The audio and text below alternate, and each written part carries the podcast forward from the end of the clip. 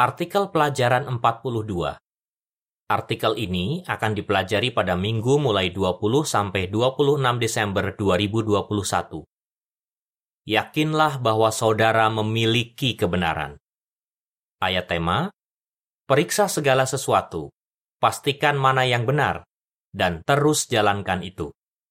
1 Tesalonika 5 ayat 21 Nyanyian nomor 142 Memegang teguh harapan kita Yang dibahas Di artikel ini, kita akan membahas seperti apa pola ibadah sejati yang ditetapkan oleh Yesus dan bagaimana para murid di abad pertama mengikuti pola itu. Kita juga akan membahas bukti-bukti yang menunjukkan bahwa saksi-saksi Yehua mengikuti pola yang sama sekarang. Paragraf 1. Pertanyaan. Mengapa banyak orang merasa bingung? Sekarang ini, ada banyak agama yang mengaku Kristen dan mengatakan bahwa mereka beribadah kepada Allah dengan cara yang benar. Itulah sebabnya banyak orang merasa bingung. Mereka bertanya, apakah semua agama memang menyenangkan Allah? Atau apakah agama yang benar itu hanya ada satu? Sebagai saksi-saksi Yehua, Apakah kita yakin bahwa kita mengajarkan kebenaran dan bahwa cara beribadah kita menyenangkan Yehua? Apakah memang ada bukti-bukti yang bisa membuat kita yakin akan hal-hal tersebut? Mari kita membahasnya. Paragraf 2. Pertanyaan. Mengapa Rasul Paulus sangat yakin bahwa dia memiliki kebenaran? Rasul Paulus sangat yakin bahwa dia memiliki kebenaran. 1 Tesalonika 1 ayat 5 mengatakan, Karena kabar baik yang kami beritakan itu sampai kepada kalian, bukan hanya dengan kata-kata, tapi juga dengan pengaruh yang kuat, dengan kuasa kudus, dan dengan keyakinan yang teguh. Kalian sendiri tahu bagaimana kami bertindak demi kalian. Keyakinan itu tidak hanya didasarkan atas perasaan. Paulus rajin mempelajari firman Allah dia yakin bahwa seluruh isi kitab suci berasal dari Allah. 2 Timotius 3 ayat 16. Sewaktu mempelajari kitab suci, Paulus menemukan bukti-bukti yang jelas bahwa Yesus adalah Mesias yang dijanjikan. Para pemimpin agama Yahudi tidak mau mempercayai bukti-bukti tersebut. Orang-orang yang munafik itu mengaku mewakili Allah, tapi perbuatan mereka menunjukkan bahwa mereka menolak Dia. Tidak seperti mereka, Paulus tidak memilih-milih bagian dari firman Allah yang ingin dia percayai. Dia siap untuk mengajarkan dan menjalankan seluruh kehendak Allah. Kisah 20 ayat 27. Paragraf 3. Pertanyaan. Agar kita yakin bahwa kita memiliki kebenaran, apakah kita harus mendapat jawaban atas semua pertanyaan kita? Ada orang-orang yang merasa bahwa agama yang benar seharusnya bisa menjawab semua pertanyaan bahkan pertanyaan yang tidak dibahas di dalam Alkitab. Tapi apakah itu masuk akal? Coba perhatikan contoh Paulus. Dia menganjurkan rekan-rekan seimannya untuk memeriksa segala sesuatu dan memastikan mana yang benar. 1 Tesalonika 5 ayat 21. Tapi dia juga mengakui bahwa ada banyak hal yang tidak dia pahami. Dia menulis, pengetahuan kita tidak lengkap. Dan dia menambahkan, kita hanya melihat bayangan samar-samar lewat cermin logam. 1 Korintus 13 ayat 9 dan 12. Paulus tidak memahami segala hal, dan kita juga tidak. Tapi, Paulus mengetahui kebenaran dasar tentang Yehua dan kehendaknya. Apa yang dia ketahui itu sudah cukup untuk membuat dia yakin bahwa dia memiliki kebenaran. Berikut ini adalah keterangan tambahan. Perbuatan dan pikiran Yehua terlalu banyak untuk diceritakan. Agar kita yakin bahwa kita memiliki kebenaran, apakah kita harus mendapat jawaban atas semua pertanyaan kita sekarang? Atau apakah kita harus bisa menjawab semua pertanyaan yang diajukan kepada kita? Tidak. Seperti yang ditunjukkan oleh ayat-ayat di bawah ini, kita tidak akan pernah tahu semua perbuatan dan pikiran Yehua. Kita akan terus belajar tentang Allah kita untuk selama-lamanya. Tapi sekarang, Yehua telah memberitahu kita banyak hal tentang dirinya dan kehendaknya. Itu sudah cukup untuk membantu kita benar-benar beriman kepadanya dan menjelaskan ajaran dasar Alkitab kepada orang lain. Mazmur 40 ayat 5 Banyak sekali yang engkau lakukan, oh Yehua Allahku. Banyak sekali perbuatanmu yang luar biasa dan pikiranmu tentang kami. Engkau tak ada duanya. Kalau aku mau membicarakan semuanya, itu terlalu banyak untuk diceritakan. Pengkhotbah 3 ayat 11 Semua yang dia lakukan indah pada waktunya.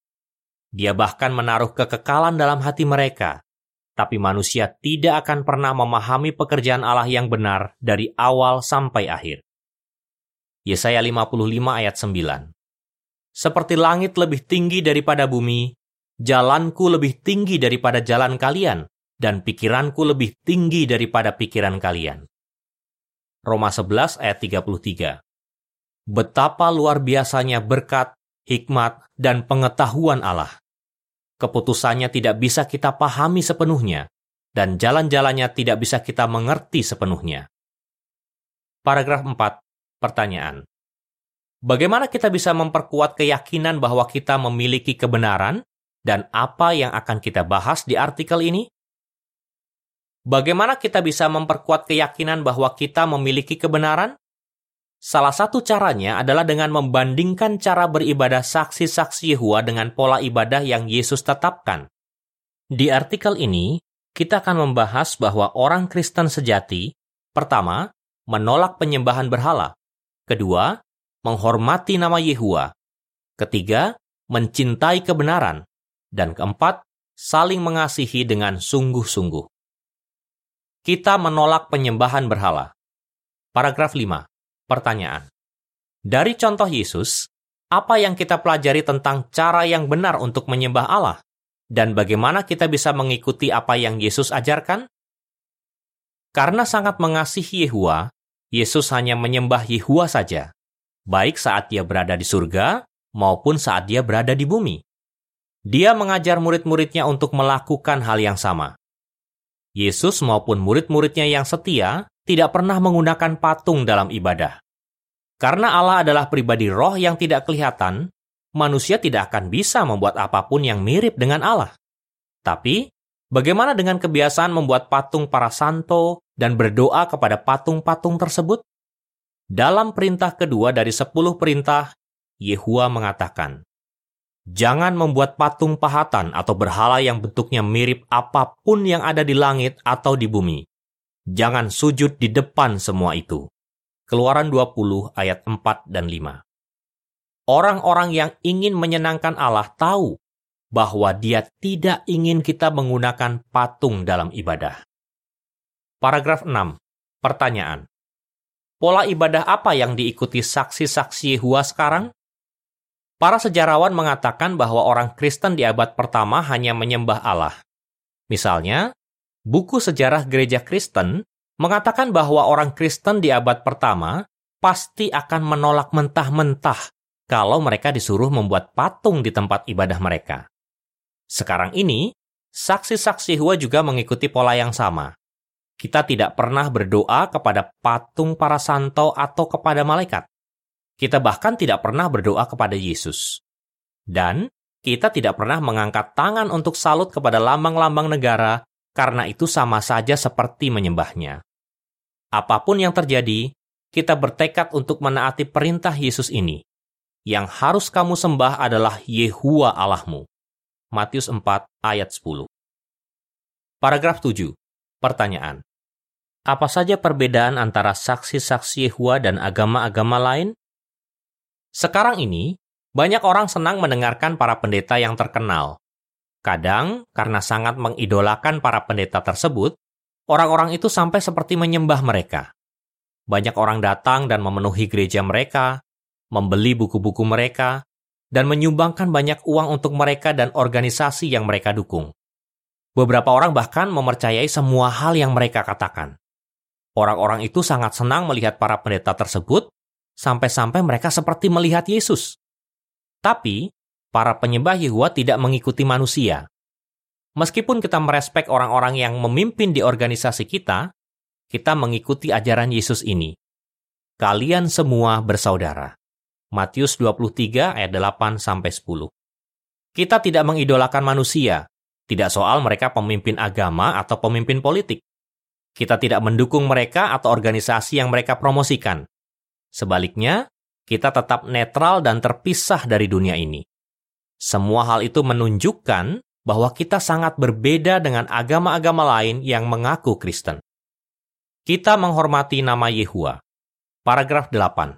Pertanyaan. Dari mana kita tahu bahwa Yehua ingin namanya dimuliakan dan diketahui banyak orang? Yesus pernah berdoa seperti ini. Bapak, muliakanlah namamu. Dengan suara yang keras dari surga, Yehua menjawab doa itu dan berjanji bahwa dia akan memuliakan namanya. Yohanes 12 ayat 28. Selama pelayanannya, Yesus selalu memuliakan nama Bapaknya. Jadi, orang Kristen sejati juga pasti bangga karena bisa menggunakan nama Allah dan memberitahukannya kepada orang lain. Paragraf 9. Pertanyaan. Bagaimana orang-orang Kristen pada abad pertama membuktikan bahwa mereka menghormati nama Allah?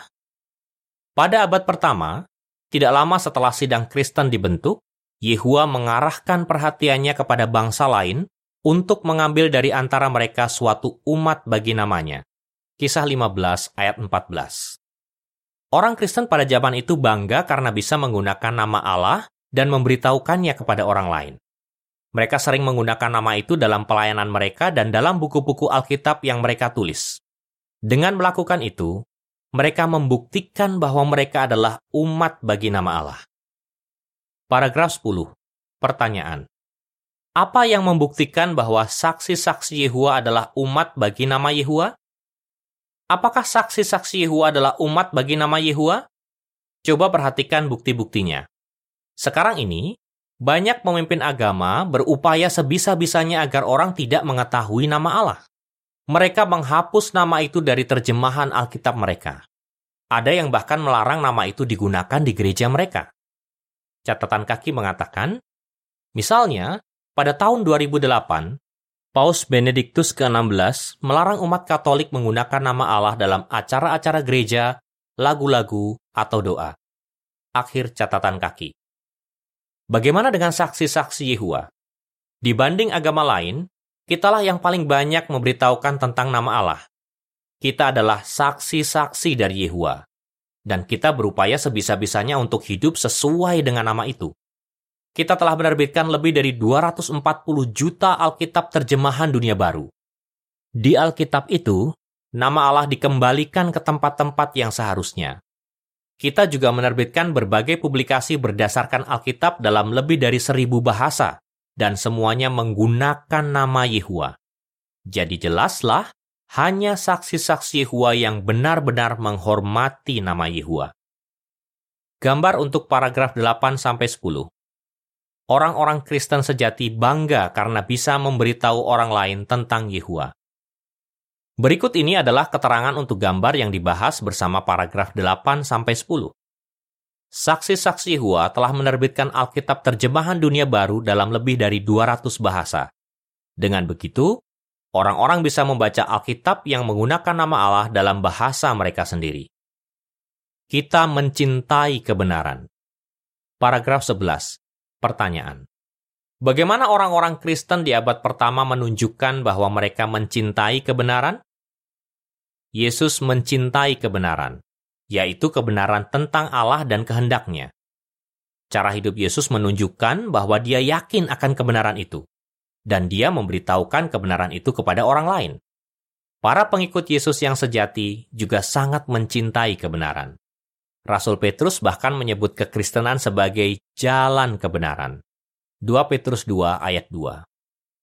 Karena sangat mencintai kebenaran, orang-orang Kristen di abad pertama menolak ajaran agama, tradisi, dan pendapat yang bertentangan dengan kebenaran.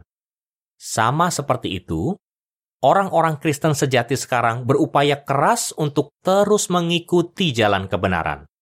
Mereka memastikan bahwa semua kepercayaan mereka dan cara hidup mereka sesuai dengan firman Allah. 3 Yohanes 3 dan 4. Paragraf 12. Pertanyaan. Sewaktu badan pimpinan menyadari bahwa pemahaman kita perlu disesuaikan, apa yang mereka lakukan dan mengapa? Saksi-saksi Yehua tidak mengatakan bahwa mereka benar-benar memahami seluruh isi Alkitab. Kadang, Mereka membuat kesalahan dalam menjelaskan suatu ajaran Alkitab atau dalam cara mereka mengorganisasi sidang Kristen. Kita tidak perlu heran akan hal itu.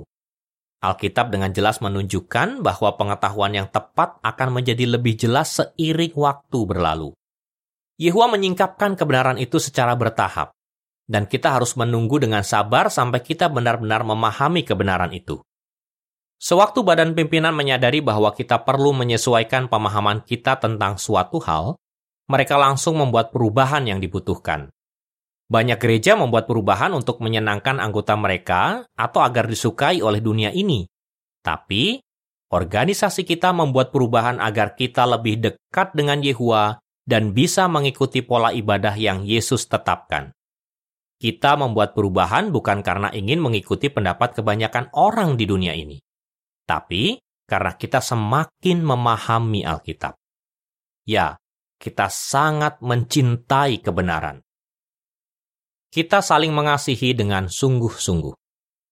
Paragraf 13. Pertanyaan. Sifat terpenting apa yang ditunjukkan oleh orang Kristen sejati dan apa yang membuktikan bahwa saksi-saksi Yehua memiliki sifat itu? Orang-orang Kristen di abad pertama menunjukkan banyak sifat yang baik tapi sifat terpenting yang mereka tunjukkan adalah kasih. Yesus mengatakan, "Kalau kalian saling mengasihi, semua orang akan tahu bahwa kalian muridku." Yohanes 13 ayat 34 dan 35. Sekarang ini, saksi-saksi Yehua di seluruh dunia saling mengasihi dan bersatu. Tidak seperti agama-agama lainnya, kita semua seperti keluarga meskipun kita berasal dari suku, bangsa, dan kebudayaan yang berbeda-beda. Kita bisa melihat buktinya di perhimpunan, pertemuan wilayah, dan pertemuan regional.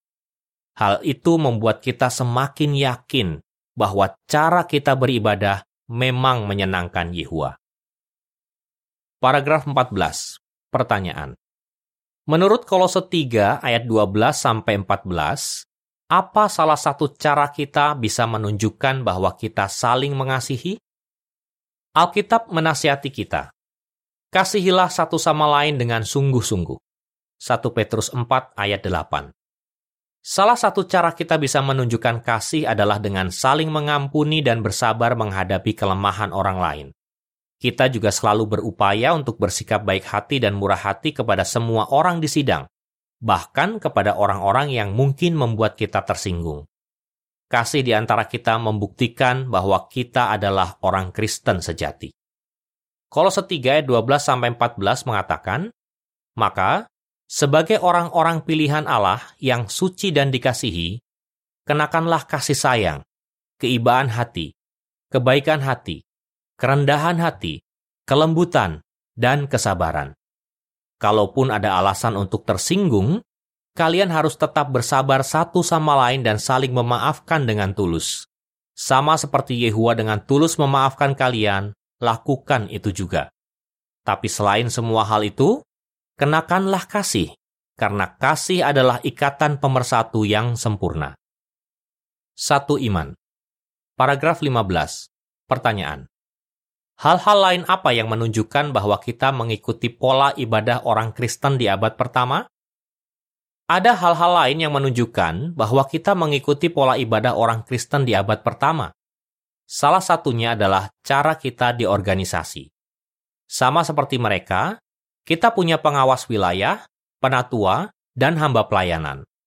Dan seperti mereka, kita juga mengikuti pandangan Yehua tentang seks dan perkawinan, menghargai hukum Allah tentang darah, dan melindungi sidang dari pengaruh orang-orang yang tidak mau mengikuti hukum Allah.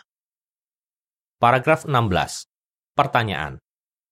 Apa yang bisa kita pelajari dari kata-kata di Efesus 4 ayat 4 sampai 6?